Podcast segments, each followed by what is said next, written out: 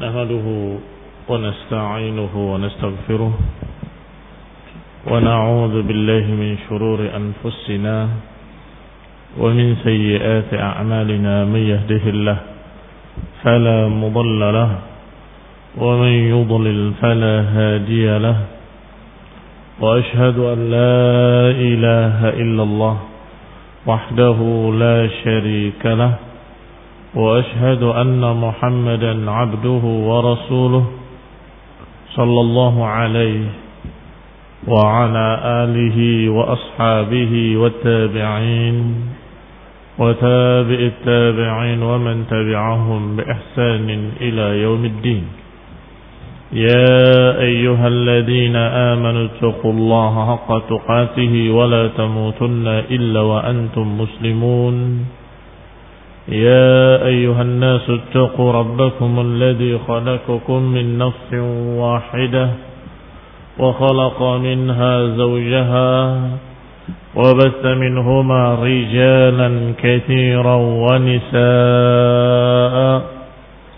واتقوا الله الذي تساءلون به والأرحام إن الله كان عليكم رقيبا يا أيها الذين آمنوا اتقوا الله وقولوا قولا سديدا يصلح لكم أعمالكم ويغفر لكم ذنوبكم ومن يطع الله ورسوله فقد فاز فوزا عظيما أما بعد فإن خير الحديث كتاب الله وخير الهدي هدي محمد صلى الله عليه وعلى آله وسلم وشر الأمور محدثاتها فإن كل محدثة بدعة وكل بدعة ضلالة وكل ضلالة في النار. إخواني في الدين أعزكم الله. Kita lanjutkan kajian kitab Taisir Al-Karim Ar-Rahman.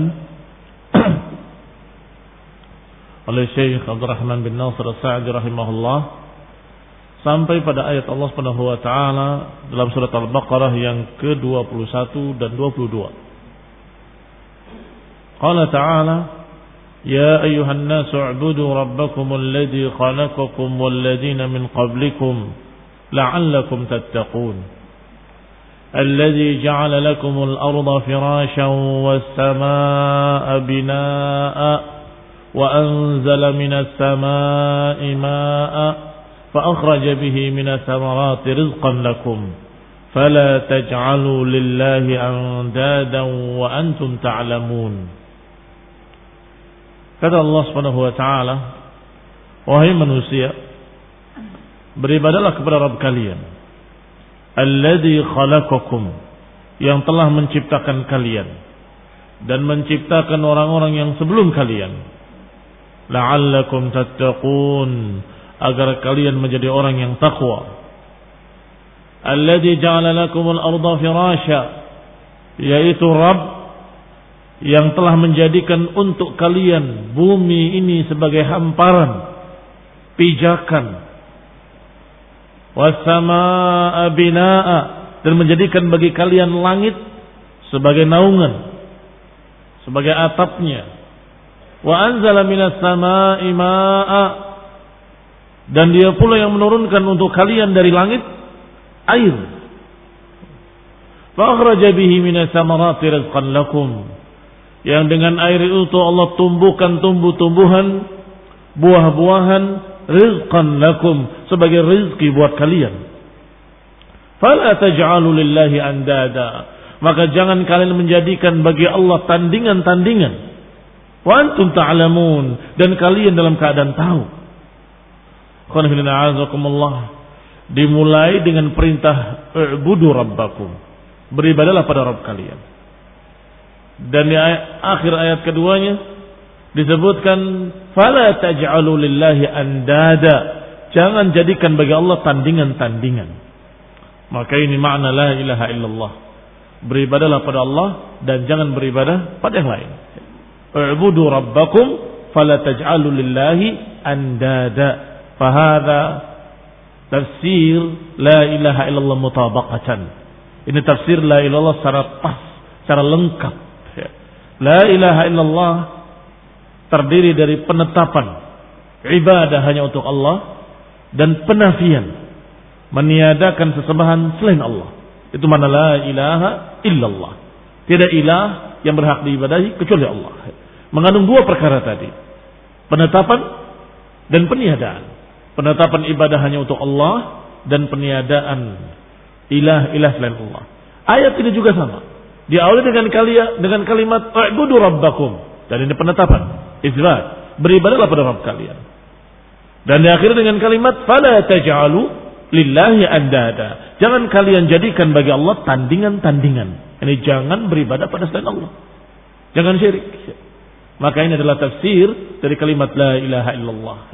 Berkata Syekh Abdurrahman bin Nasir As-Sa'di rahimahullah, "Hada amrun 'am likullin nas." Ini adalah perintah yang 'am yang umum bagi seluruh manusia. Bi amrin 'am, juga dengan perintah yang umum. Wa huwa al-ibadatul jami'ah, yaitu ibadah yang mencakup imtisal awamirillah wajtinab nawahihi wa tasdiq khabarihi Ibadah yang am, ibadah yang umum adalah ibadah yang mencakup segala sesuatu yang merupakan perintah-perintah Allah. Mencakup juga meninggalkan larangan-larangan Allah. Mencakup juga meniat, membenarkan berita-berita dari Allah. Berarti ini adalah ibadah yang am. U'budu rabbakum. Ini perintah ibadah dengan ibadah yang am, bukan ibadah mahbah. Kalau ibadah mahbah sering bermakna amaliyah-amaliyah yang sudah khusus seperti salat, puasa, zakat, haji dan sebagainya. Tapi kalau ibadah yang am, maknanya sebagaimana dikatakan oleh Syekhul Islam Ibnu Taimiyah rahimahullah, ismun likulli ma yuhibbuhu Allah wa yardah min al-aqwali wal af'al al-zahirah wal batinah. Kata Syekhul Islam yang namanya ibadah adalah nama dari seluruh apa yang dicintai oleh Allah Subhanahu wa taala dan diridhoi. Minal aqwali wal af'al, minal af'ali wal aqwal, dari ucapan dan perbuatan yang zahir dan yang batin. Semua yang diridhoi Allah itu ibadah. Ucapan yang baik diridhoi oleh Allah itu ibadah. Amalan yang baik diridhoi oleh Allah itu ibadah. Amalan hati mencintai seseorang karena Allah, membenci seseorang karena Allah, itu ibadah. Maka barakallahu fikum, ibadah a'am, lebih umum dari sekedar ibadah-ibadah mahdhah. Qala rahimahullah berkata Syekh Sa'di rahimahullah bahwa ini perintah untuk seluruh manusia untuk ibadah kepada Allah dengan ibadah yang mencakup seluruh amalan-amalan yang berupa imtisal awamirihi, mentaati perintah-perintahnya, wajtinab nawahihi dan menjauhi larangan-larangannya, wa tasdiq khabari dan membenarkan berita-beritanya. Fa'amarahum ta'ala bima khalaqahum lahu. Berarti Allah perintahkan mereka untuk mengerjakan apa yang mereka diciptakan untuknya. Untuk mengamalkan hikmah kenapa mereka diciptakan. Yaitu ibadah. Wa ma khalaqtul jinna wal insa illa liya'budun. Allah katakan tidaklah aku ciptakan jin dan manusia kecuali untuk diperintah agar beribadah kepadaku. Maka ini perintah memang Allah ciptakan manusia dan jin untuk itu, untuk ibadah. Thumma stadalla ala ibadatihi wahdah. Kemudian Allah Subhanahu wa taala menyebutkan alasan istidlal. Kenapa yang berhak diibadahi hanya Allah? Kenapa yang pantas diibadahi hanya Allah? Yang wujub ibadatihi wahdah yang wajib diibadahi hanya Allah satu-satunya. Karena bi'annahu rabbakum. Allah sebutkan pertama karena dia adalah Rabb kalian. Mana Rabb adalah yang memiliki rububiyah. Makna Rabb adalah alladhi rabbakum bi asnafin ni'am yaitu yang memelihara kalian dengan berbagai macam kenikmatan-kenikmatan. Fakhalaqakum ba'dal adam. Dia menciptakan kalian yang tadinya tidak ada. Wa khalaqal ladina min qablikum dan dia pula yang menciptakan orang-orang yang sebelum kalian.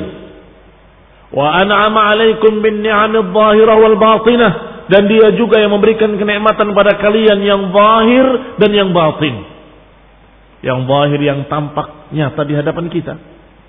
Fasilitas-fasilitas kehidupan kita semuanya Allah berikan.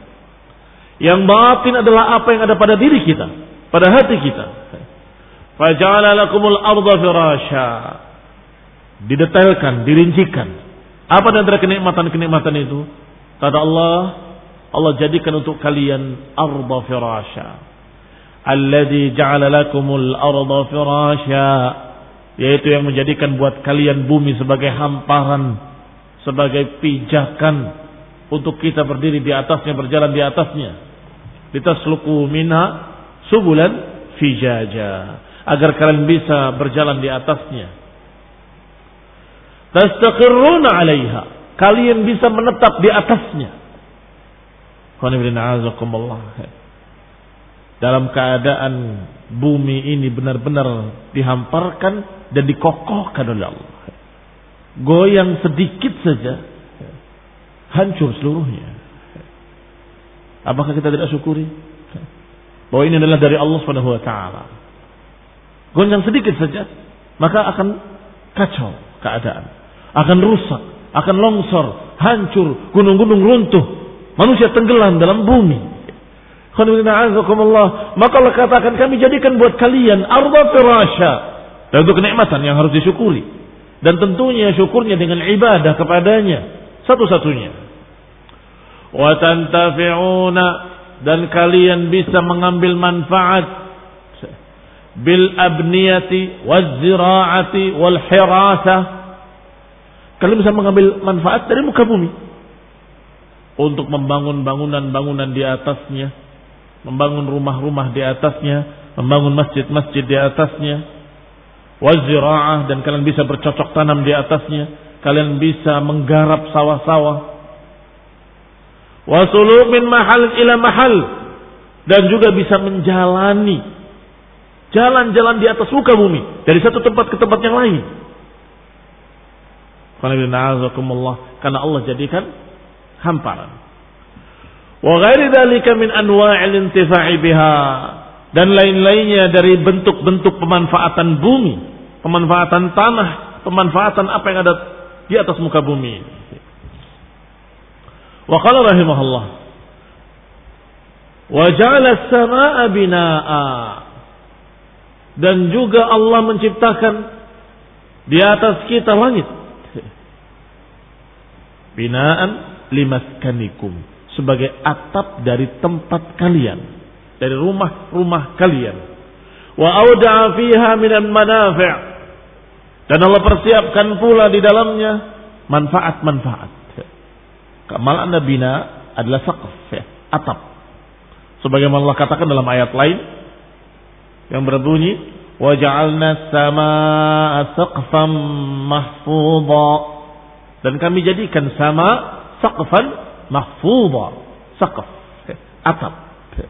Bumi sebagai pijakannya atap seba, uh, langit sebagai atapnya. Wahum ayatina mu'ridun kata Allah tetapi mereka terhadap ayat-ayat kami mereka berpaling. Terhadap tanda-tanda kekuasaan kami mereka tidak mau perhatian. Mereka berpaling maka Allah katakan boleh jadikannya langit sebagai atap kita. Ini adalah kenikmatan juga. Dan dibahas oleh para ilmuwan-ilmuwan. Apa jadinya kalau tidak ada langit di atasnya. Apa yang terjadi? Juga kehancuran. Disebutkan oleh Allah Subhanahu wa taala wa ja'ala samaa dan langit dijadikan sebagai binaan Kata Syekh As-Sa'd rahimahullah. Qala awda'a fiha min al-manafi' ma huwa min daruratikum wa hajatikum. Allah jadikan padanya manfaat-manfaat untuk kebutuhan-kebutuhan kalian dan untuk hajat-hajat kalian. Apa itu? Manfaat-manfaat yang ada di langit. Asyams, matahari yang seluruh manusia membutuhkannya Tanpa matahari seluruh bumi tertutup salju dan gak ada kehidupan sama sekali. Demikian pula bintang-bintang, bulan yang Allah jadikan sebagai tanda-tanda mana arah timur, mana arah barat, mana utara, mana selatan. Allah jadikan langit yang berbintang-bintang adalah manfaat buat kalian. Allah jadikan bintang-bintang sebagai hiasan. Zayyana sama kami jadikan langit ini dihiasi dengan bintang-bintang. Wa bin najmihum yahtadun dan dengan bintang-bintang mereka terbimbing kata Allah. Bukan terbimbing masalah tebak-tebakan hal gaib dengan bintang bukan, tapi terbimbing dengan mana terbimbing arah, mana timur, mana barat, mana utara, mana selatan. Dan juga bintang-bintang Allah jadikan rujuman lisyayatin sebagai pelempar syaitan-syaitan yang mencuri berita di langit. Dilempar dengan bintang-bintang. Ini tiga manfaat bintang. Zinatus sama, hiasan langit. Dan yang kedua, wabin najmihum yahtadun, dengan bintang-bintang mereka terbimbing arah-arah yang mereka inginkan. Dan yang ketiga, sebagai rujuman li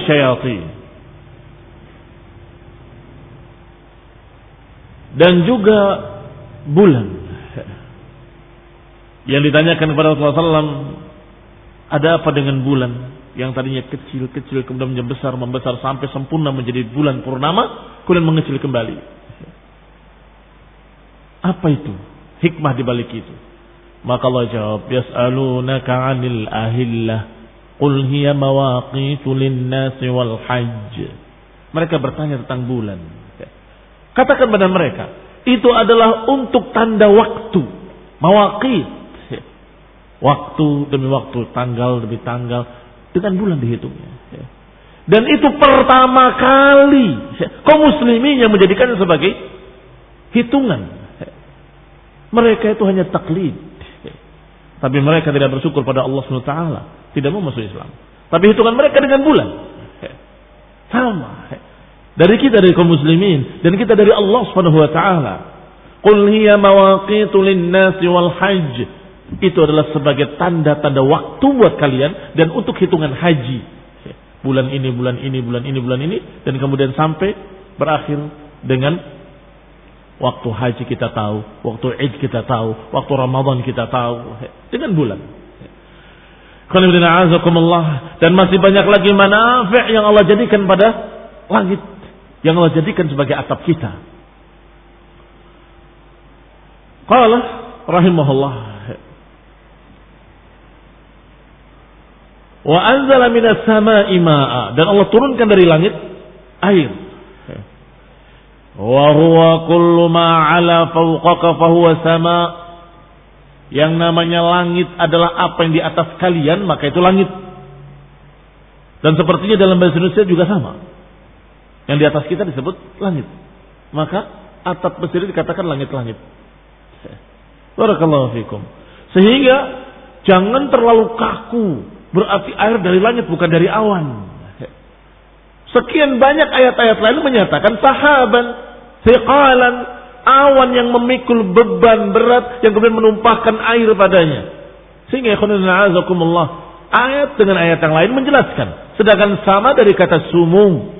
As-sama dari kata sumu yang maknanya tinggi di atas. Semua yang di atas kita dikatakan sama.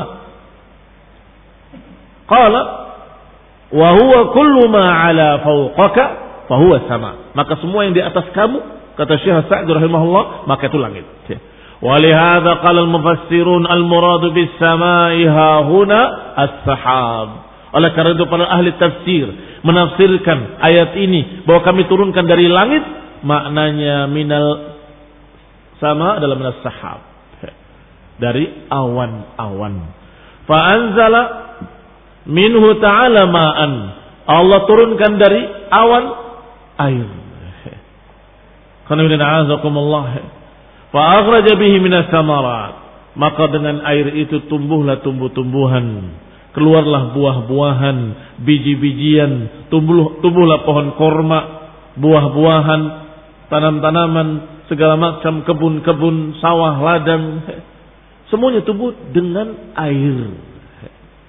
Waj'alna minal ma'i kulla syai'in hayy. Kami jadikan dari air segala sesuatu hidup. Maka ketika langit tidak menurunkan air, ketika kering, maka mulai tumbuh-tumbuhan pun mati, layu dan tidak tumbuh. Dan saat itulah yang dikatakan dengan paceklik. Nasallahu salam al Maka semua manusia mengharapkan turunnya hujan. Mereka meminta pada Allah Subhanahu wa taala, "Aghithna, aghithna." Ya Allah, turunkanlah air, turunkanlah hujan.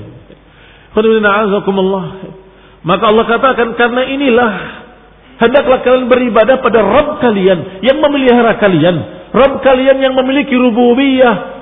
Sifat Allah Subhanahu wa taala rububiyah adalah memelihara kalian, menciptakan kalian, memberikan fasilitas buat kalian, memberikan berbagai macam kehidupan untuk kalian buah-buahan untuk kalian, air dari langit untuk kalian.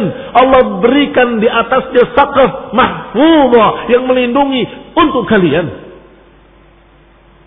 Benda-benda langit ketika jatuh akan hancur di atas sebelum sampai ke bumi. Illa an yasha Allah, kecuali kalau Allah kehendaki. Ini juga kenikmatan yang Allah berikan. Fa'budu rabbakum maka beribadalah kepada Rabb kalian. Ya ayuhan nas, wahai manusia. Kata Ibn Abbas rahimahullah radhiyallahu taala anhu, kalimat ya ayuhan nas panggilan manusia secara umum khususnya dua golongan yang telah dibahas. Khususnya dua golongan yang telah dibahas sebelumnya yaitu munafikin dan juga mereka-mereka dari kalangan musyrikin.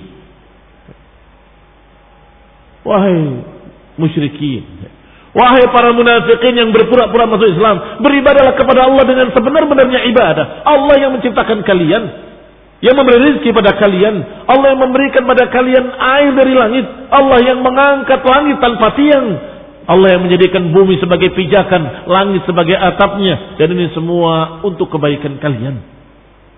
Beribadalah pada Rabb kalian. Rizqan lakum dengan air yang diturunkan muncul sekian banyak tumbuh-tumbuhan yang semuanya rizqan lakum. Ada yang diambil daun-daunnya sebagai sayuran. Ada yang diambil buah-buahnya sebagai makanan kalian. Ada yang diambil akarnya, ubi-ubinya untuk kalian. Ada yang diambil batang-batangnya untuk kalian. Untuk membuat rumah-rumah kalian. Ada yang diambil ini, diambil itu, semuanya bermanfaat. Dan semua Bahkan yang kalian kira bahwa itu adalah hanya semak-semak belukar. Yang seperti nggak ada manfaat apa pun. Ternyata mereka pun melihat para alim ulama, para peneliti bahwa itu adalah manfaat buat kalian. Karena mengeluarkan oksigen untuk kalian. Sehingga kurangnya daun yang hijau akan kurang oksigen bagi manusia. Berarti semuanya bermanfaat. Nggak ada yang sia-sia. Dan ini rizqan lakum. Ay tartaziquna wa taqawwatuna wa ta'ishuna wa tafakkahun. Kalian mendapatkan rizki, kalian menjadi kuat, kalian menghidup dengan itu dan kalian memakan buah-buahan dengan itu semua. Fala taj'alu lillahi andada, maka jangan kalian menjadikan bagi Allah tandingan-tandingan. Disebutkan dengan fa Artinya masih berkait dengan yang sebelumnya. Fa yang diistilahkan dengan fa sababiyah atau fa ta'lil untuk menunjukkan alasan. Maka jangan jadikan bagi Allah tandingan-tandingan karena nggak ada yang memberikan seperti Allah berikan. Nggak ada yang menciptakan langit dan bumi kecuali Allah. Nggak ada yang menentukan takdir-takdirnya untuk turun hujan atau tidak turun hujan kecuali Allah. Fala taj'alu lillahi andada. Maka jangan jadikan bagi Allah tandingan-tandingan. Andad maknanya nudara. Nazir adalah yang semiripnya. Wa asbahan juga maknanya andad adalah asbah yang yusbihu.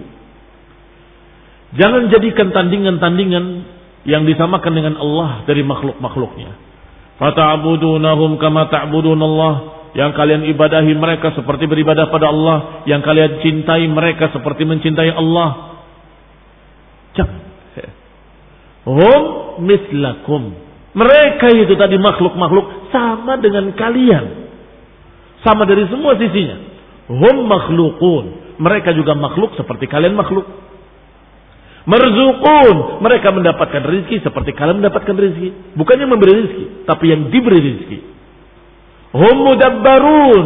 Mereka yang diatur seperti kalian yang diatur. Artinya bukan al-mudabbir. Al-mudabbir huwa Allah.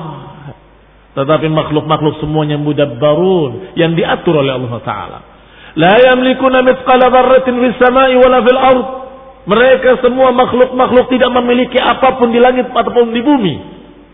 Mereka tidak memiliki sedikit pun sebiji darah pun di langit ataupun di bumi. Wala yanfa'unakum yadurrun. La yanfa'unakum. Mereka tidak bisa menentukan manfaat dan tidak pula bisa memberikan madarat. Enggak bisa menentukan takdir baik ataupun takdir buruk. Hanya Allah taala. Fala taj'alu lillahi andada. Maka jangan jadikan bagi Allah tandingan-tandingan. Jangan beribadah pada selain Allah karena enggak ada yang seperti Allah taala. Laisa kamitslihi syai' wa lam yakul lahu kufuwan ahad. Lam yakul lahu samia. Enggak ada yang sama dengan Allah Subhanahu wa taala. Wala taj'alu lillahi andada wa antum ta'lamun. Jangan jadikan bagi Allah tandingan-tandingan dalam keadaan kalian tahu. Dalam keadaan hati kecil kalian tahu. Fitrah kalian tahu. Enggak ada yang seperti Allah. Mana buktinya? Buktinya kalau kita tanyakan pada mereka kaum musyrikin. Jahiliyah ataupun musyrikin hari ini. Tanyakan pada mereka. Man khalaqas samawati wal ardi wa man fiha. Tanyakan. Siapa menciptakan langit dan bumi dan apa yang ada di dalamnya? Jawaban mereka sama. Ya. Saya kulun Allah. Mereka akan menjawab Allah. Ya.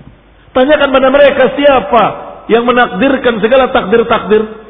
Mereka akan menjawab Allah. Ya. Siapa yang mengangkat langit tanpa tiang? Mereka akan menjawab Allah.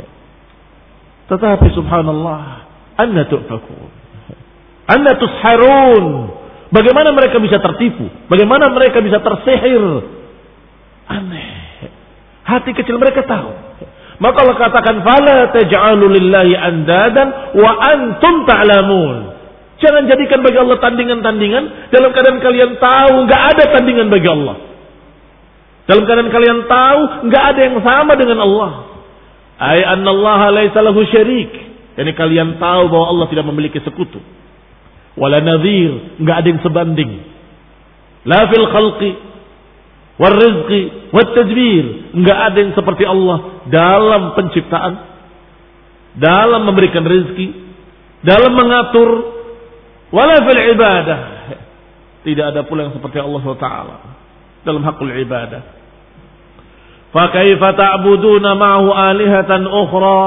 Maka bagaimana kalian beribadah kepada ilah-ilah lain, Tuhan-Tuhan lain, ma'a ilmikum Bagaimana kalian beribadah pada selain Allah bersama ilmu kalian? Kalau yang seperti Allah itu tidak ada. Hada min a'jabil ujab. Wasfahis safah. Dan ini sungguh min a'jabil ajab wa asfahis safah. Perkara yang paling mengherankan dan perkara yang sangat bodohnya. Sudah tahu nggak ada yang seperti Allah tapi meminta pada Allah. Wa minan nasi man yattakhidhu min dunillahi andadan yuhibbunahum kahubbillah. Di antara manusia ada yang mengambil tandingan-tandingan bagi Allah yang mereka cintai seperti mencintai Allah. Mereka ibadahi seperti beribadah pada Allah. Padahal kalau ditanya, "Man khalaqas samaa wal ard?" Mereka akan menjawab Allah. Walain sa'altahum man khalaqas samawati wal ard? La yaqulunna Allah. Niscaya mereka akan menjawab Allah. Maka ini min a'jabil ujab. Sungguh keanehan yang paling aneh dan kebodohan yang paling bodoh. Qala dikatakan oleh Syekh Sa'id rahimahullah selanjutnya. Wa hadhil ayah jama'at bainal amri bi'ibadatillahi wahdah wan nahi an ibadati ma siwah wa bayan ad-dalil al-bahir. Berarti ayat ini mencakup pertama perintah untuk beribadah kepada Allah saja Kedua, larangan untuk beribadah kepada selain Allah sebagai tandingan-tandingan. Ketiga, bayan dalil, menjelaskan alasannya. Kenapa harus beribadah pada Allah saja? Ad-dalil al-bahir ala wujubi ibadatihi. Dalil yang sangat jelas, sangat gamblang tentang wajibnya beribadah pada Allah. Wa butlan ibadati ma dan batilnya beribadah kepada selain Allah wa huwa dzikru tauhidir rububiyah. Berarti menyebut rububiyah Allah Subhanahu wa taala sebagai alasan kenapa harus diesakan Allah taala dalam ibadah. Ya. Qal al-mutadammin linfirad bil khalqi wal rizq wat tadbir. Rububiyah sifat rububiyah Allah mencakup penciptaan, pemberian rizki, dan pengaturan dan yang berkait dengannya. Itu termasuk dalam rububiyah. fa idza kana kullu ahadin muqarran bi annahu laysa lahu syarik fi dzalik fa kadzalika falyakun iqraruhu bi anna Allah la syarika lahu fil ibadah.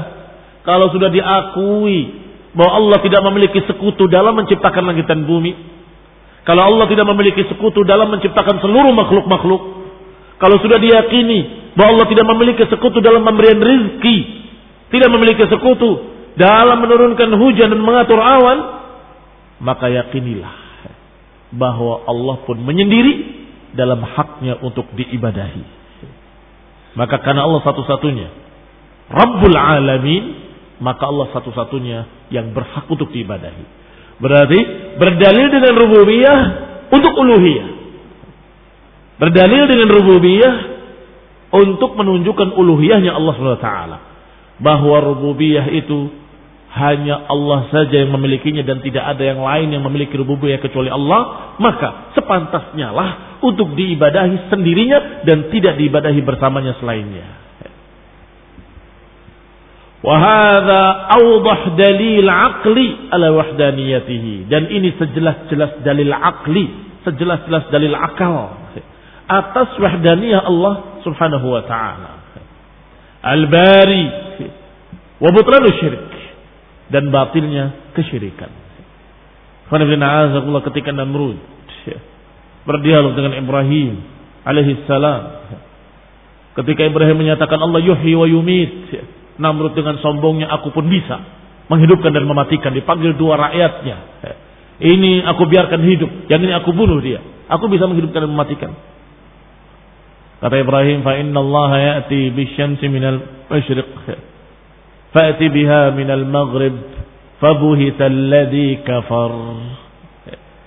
Kata Ibrahim, "Taib, Allah menerbitkan matahari dari timur. Sekarang engkau silahkan terbitkan dari barat."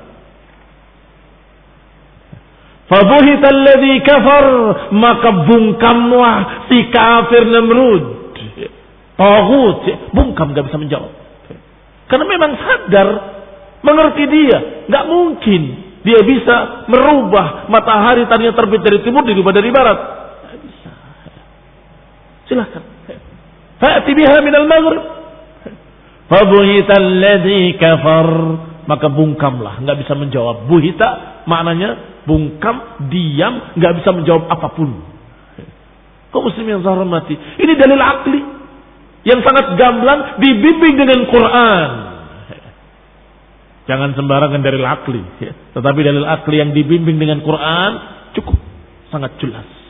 Ya. Siapa? Ya. Togut-togut yang ada di alam ini sepanjang masa, sepanjang zaman. Siapa yang dengan sombongnya saya yang bisa? Gak ada. Hampir nggak ada. Kenapa hampir nggak ada? Karena ada dajjal kadzab ya, yang dia merasa Allah menyatu dengan dirinya. Kemudian dengan kedustaannya dia berkata, "Ana rafa'tus sama, aku yang mengangkat langit. Aku yang mengangkat arus yang menciptakan arus. Aku yang begini, aku yang begitu." Bin Hafiz di Yaman. Ya. Gurunya mereka, mereka kaum sufiyin yang di Indonesia yang berangkat ke sana menyatakan aku yang mengangkat langit tanpa tiang, aku yang menciptakan arus, aku yang aku yang aku yang kejam. Ya. Apa maknanya? Maknanya aku menyatu dengan Allah, maka suaraku suara Allah dan ucapanku ucapan Allah. Tetapi wallahi, wallahi, wallahi, pasti, pasti, pasti dalam hati kecilnya dia tidak mengatakan bahwa dia yang menciptakan. Tidak. Maksud kamu, kamu yang bikin. Oh bukan, tadi suara Allah. Saya nggak bisa. Karena akal dan fitrah manusia seluruhnya. Tidak ada yang menyatakan manusia bisa menciptakan matahari, bisa mengedarkan matahari. Tidak ada. Sekafir-kafirnya mereka. Berarti ini akbar dalil nakli. Sebesar-besar dari akal adalah Allah Subhanahu wa taala yang mengatur seluruh alam, Allah yang menciptakannya, Allah yang mengaturnya, Allah yang memberikan rezekinya dan Allah yang memberikan fasilitas kehidupan seluruhnya. Allah yang menurunkan hujan, Allah yang menumbuhkan tumbuh-tumbuhan, semuanya untuk kalian wahai manusia. Semuanya untuk kalian. Allah ciptakan binatang-binatang ternak juga untuk kalian. Di antara mereka ada yang yamshi ala batni, ada yang yamshi ala rijlain, ada yang yamshi ala arba'. Semuanya Allah ciptakan untuk kalian. Minha rukubuha wa minha luhumuha. Di antara mereka binatang-binatang ternak ada yang kalian tunggangi, di antara binatang ternak ada yang kalian makan dagingnya, di antara binatang ternak ada yang kalian pakai kulitnya sebagai pakaian. Dari mana itu? Ada yang bisa membuat seekor kambing hidup Tidak ada. Belum ada seorang pun yang bisa menciptakan. Robot-robot yang mereka bikin sekian ribu kekurangannya, bahkan lebih dari itu. Sekian banyak kekurangan-kekurangan dan itu tidak hidup. Tidak hidup, tidak memiliki ruh. Qulina azakullah kembali kepada kita. Qala Allah ta'ala la'allakum tattaqun. Diakhiri dengan kalimat la'allakum tattaqun agar kalian bertakwa. Yahtamil annal ma'na annakum idza 'abadtumullaha wahdahu ittaqaytum bidzalika sahtahu wa adabahu. Bisa jadi mengandung ihtimal, mengandung kemungkinan makna bahwa kalau kalian beribadah pada Allah saja sendirinya, ittaqaitum bidzalika suqtahu. Kalian bisa melindungi diri kalian dari kemarahannya dan dari azabnya. Karena makna tattaqun di samping makna bertakwa adalah makna menghindarkan dari marbahaya. Dari kata ittiqa dari kata wiqayah. Wiqayah maknanya tameng.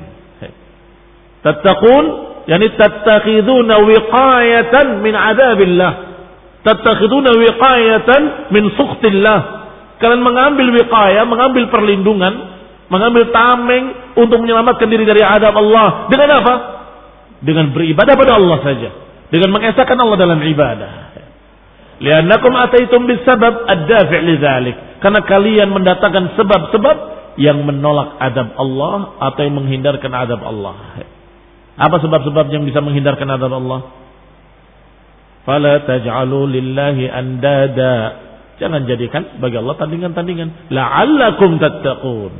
Agar kalian bisa menghindari Wa yahtamil ada kemungkinan lain dari makna ayat ini an yakunal ma'na annakum idza abadtumullah surtum minal muttaqin. Mana kedua? Bahwa kalau kalian beribadah pada Allah dan kalian tidak menjadikan tandingan-tandingan bagi Allah, maka kalian menjadi orang yang takwa. La'allakum tattaqun menjadi muttaqin. Dan ini berkait dengan yang sedang dibahas. Karena dibahas di awalnya di awal surat Al-Baqarah tentang al-muttaqin. Hudan lil muttaqin. Digambarkan muttaqin oleh Allah. Maka di sini sekarang diajarkan muttaqin itu seperti ini. Beribadah pada Allah saja dan tidak beribadah pada yang lain. Tidak menjadikan bagi Allah tandingan-tandingan. Maka saya kalian akan menjadi muttaqin al-mausufina bit taqwa yang disifat dengan ketakwaan. Wakilal makna ini sahih dan kedua makna ini sahih. Wahuma mutalaziman dan kedua-duanya saling berkait. Orang muttaqin terhindar dari adab, orang yang terhindar dari adab adalah muttaqin. Sehingga tidak bertentangan antara dua tafsiran tersebut. Faman ata bil ibadati kamilah kana minal muttaqin. Siapa yang mendatangkan ibadah secara sempurna berarti dia muttaqin. Wa man kana minal muttaqin dan siapa dari kalangan muttaqin hafalat lahun najah maka dia akan mendapatkan keselamatan. Perlindungan dari adab Allah, dari kemurkaan Allah. Baru kemudian Allah katakan wa in kuntum fi raibin. Dan kalau kalian ragu mimma nazzalna ala abdina fa'tu bi suratin ila akhirih yang akan kita bahas pada kajian berikutnya billahi taala. Maka ikhwan azakumullah dua ayat ini sungguh sangat luas maknanya. Bahkan kalau dibahas lebih luas, maka kita akan mengkaji kitab tauhid. Kitab tauhid yang membahas tentang bab fala taj'alu lillahi andada. Yang dikisahkan di sana beberapa hadis-hadis. Seperti hadis yang dinukil dalam kitab tauhid dengan syarahnya Fathul Majid Kisah seorang sahabat yang bermimpi. Dia bertemu dengan satu kaum. Man antum? Siapa kalian? Dijawab, kami adalah Yahudi. Kalian Yahudi? La antum al-qaum. Laula annakum taqulun Uzair ibn Allah. Maksudnya kalian tuh kaum yang bagus. Kalau saja kalian tidak menyatakan Uzair anak Allah. Dijawab oleh Yahudi tadi. Kalian juga la antumul qaum. Laula annakum taqulun masya Allah wa sya'a Muhammad. Kemudian bertemu lagi dengan kaum lain. Kaum yang kedua, mana antum? Siapa kalian? Kami Nasara. Ditanya, antum Nasara? La antumul qaum. Sungguh kalian adalah kaum yang bagus. Laula annakum taqulun Isa ibn Allah. Sayang sekali kalian mengatakan Isa ibn Allah. Ini kalau saja tidak menyatakan Isa ibn Allah, kalau kaum yang memiliki keutamaan. Tetapi kalau mengatakan Isa ibn Allah, ternyata mereka juga menjawab. Wa antum, la antumul qaum. Laula annakum taqulun, Masya Allah wa sya'a Muhammad. Maka terpikir dengan dua jawaban tadi. Masya Allah, Sya'a Muhammad dijadikan bantahan oleh mereka untuk menunjukkan kalian juga sama. Dia ceritakan kepada beberapa sahabat sampai kepada Rasulullah SAW. Ya Rasulullah kami bermimpi demikian dan demikian. Akbar ta'ahadan. Apakah kau sudah kabarkan beberapa orang? Aku kabarkan beberapa orang. Maka Rasulullah SAW naik ke mimbar. Dan menyatakan sungguh ada seorang yang bermimpi. Dan sudah dikabarkan kepada beberapa kalian. Demikian, demikian, demikian. Maka sungguh demi Allah. Aku ingin menyampaikannya, tapi kemarin terhalang oleh ini dan itu. Jangan sekali-kali kalian katakan, Masya Allah wa sya'a Muhammad. Tapi ucapkan Masya Allah wahdah. Karena siapa yang menyatakan Masya Allah wa sya'a Muhammad, berarti dia menjadikan aku sebagai tandingan bagi Allah Subhanahu wa taala. Masya Allah wa Muhammad maknanya adalah ini kehendak Allah dan kehendak Muhammad sallallahu alaihi wa ala alihi wasallam. Imam Al-Thawri rahimahullah Sufyan Al-Thawri menyatakan dengan riwayat juga dari Ibn Abbas, qala rajulun nabi, ada seorang yang berkata kepada Nabi, "Masya Allah wa syi'ta." Ini atas kehendak Allah dan kehendak kamu ya Rasulullah. Faqal, maka Nabi menyatakan, "Aj'altani lillahi niddan?" Apakah kalian akan menjadikan aku tandingan bagi Allah? Qul masya Allah wahdah.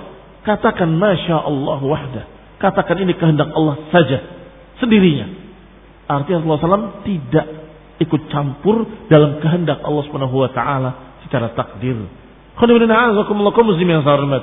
Lihat ketika ada yang menyatakan Masya Allah wa syi'ta, Rasulullah SAW marah dan menyatakan aja'altani lillahi niddan, apakah engkau menjadikan aku tandingan bagi Allah? Maka kalimat fala taj'alu lillahi andadan wa antum ta'lamun ada bentuk-bentuk yang sangat jelas yang kafirnya sudah ma'ruf ya, yaitu orang yang menyembah selain Allah, beribadah pada selain Allah, tetapi ada pula orang-orang yang menjadikan sesuatu tandingan bagi Allah dalam keadaan tidak sampai kafir tetapi merupakan syirik, dosa besar. Sehingga Ibn Abbas radhiyallahu taala anhu menyatakan tentang ayat ini. Fala taj'alu lillahi andada. Kata Ibn Abbas, andada ay asyirik, sekutu. Dan sekutu akhfa min dabibin namli ala safat sauda fi zulmatil lail.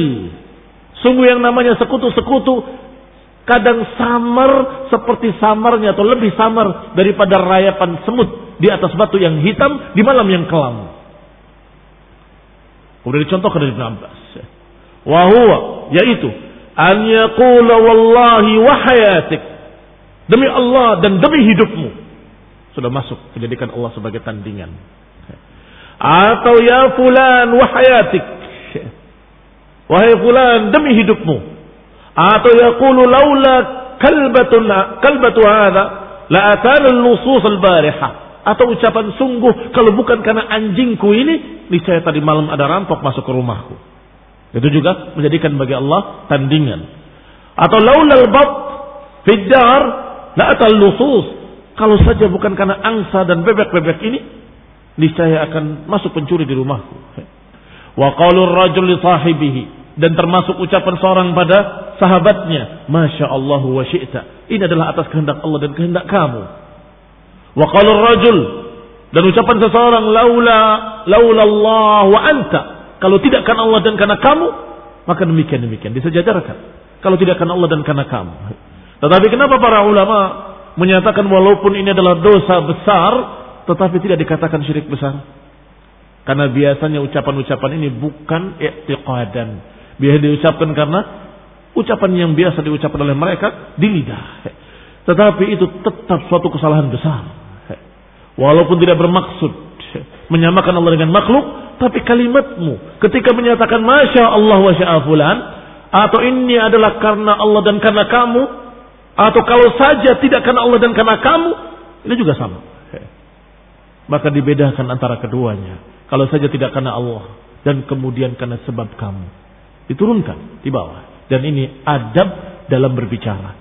Agar jangan kita menjadikan bagi Allah tandingan-tandingan sebagaimana marahnya Rasulullah SAW kepada sahabat yang menyatakan Masya Allah wa dengan kalimat Aja'altani lillahi niddan Apakah engkau menjadikan aku sebagai tandingan bagi Allah Demikian ikhwanuddin azakumullah tentang masalah nid nid kadang bisa syirik besar kadang bisa syirik kecil tapi dua-duanya adalah dosa besar jangan terlena dengan kalimat kecil kemudian anggap remeh tidak itu hanya istilah para ulama untuk menunjukkan tidak kafirnya dia. Tetapi dia tetap kesyirikan-kesyirikan. Dan juga kata Syekhul Islam Ibnu Taimiyah rahimahullah, "Inna Allah la yaghfiru an yushraka bihi wa yaghfiru ma duna dzalika liman yasha." Sesungguhnya Allah tidak akan mengampuni dosa syirik dan akan mengampuni dosa yang lainnya sekehendaknya. Kata Syekhul Islam, dosa syirik semuanya, yang besar dan yang kecil tidak akan diampuni. Fikum. Ini sangat mengerikan masalah kesyirikan. La yughfar atau tidak diampuni kalau mati dalam keadaan membawa syirik belum bertaubat. Warahmatullahi wabarakatuh.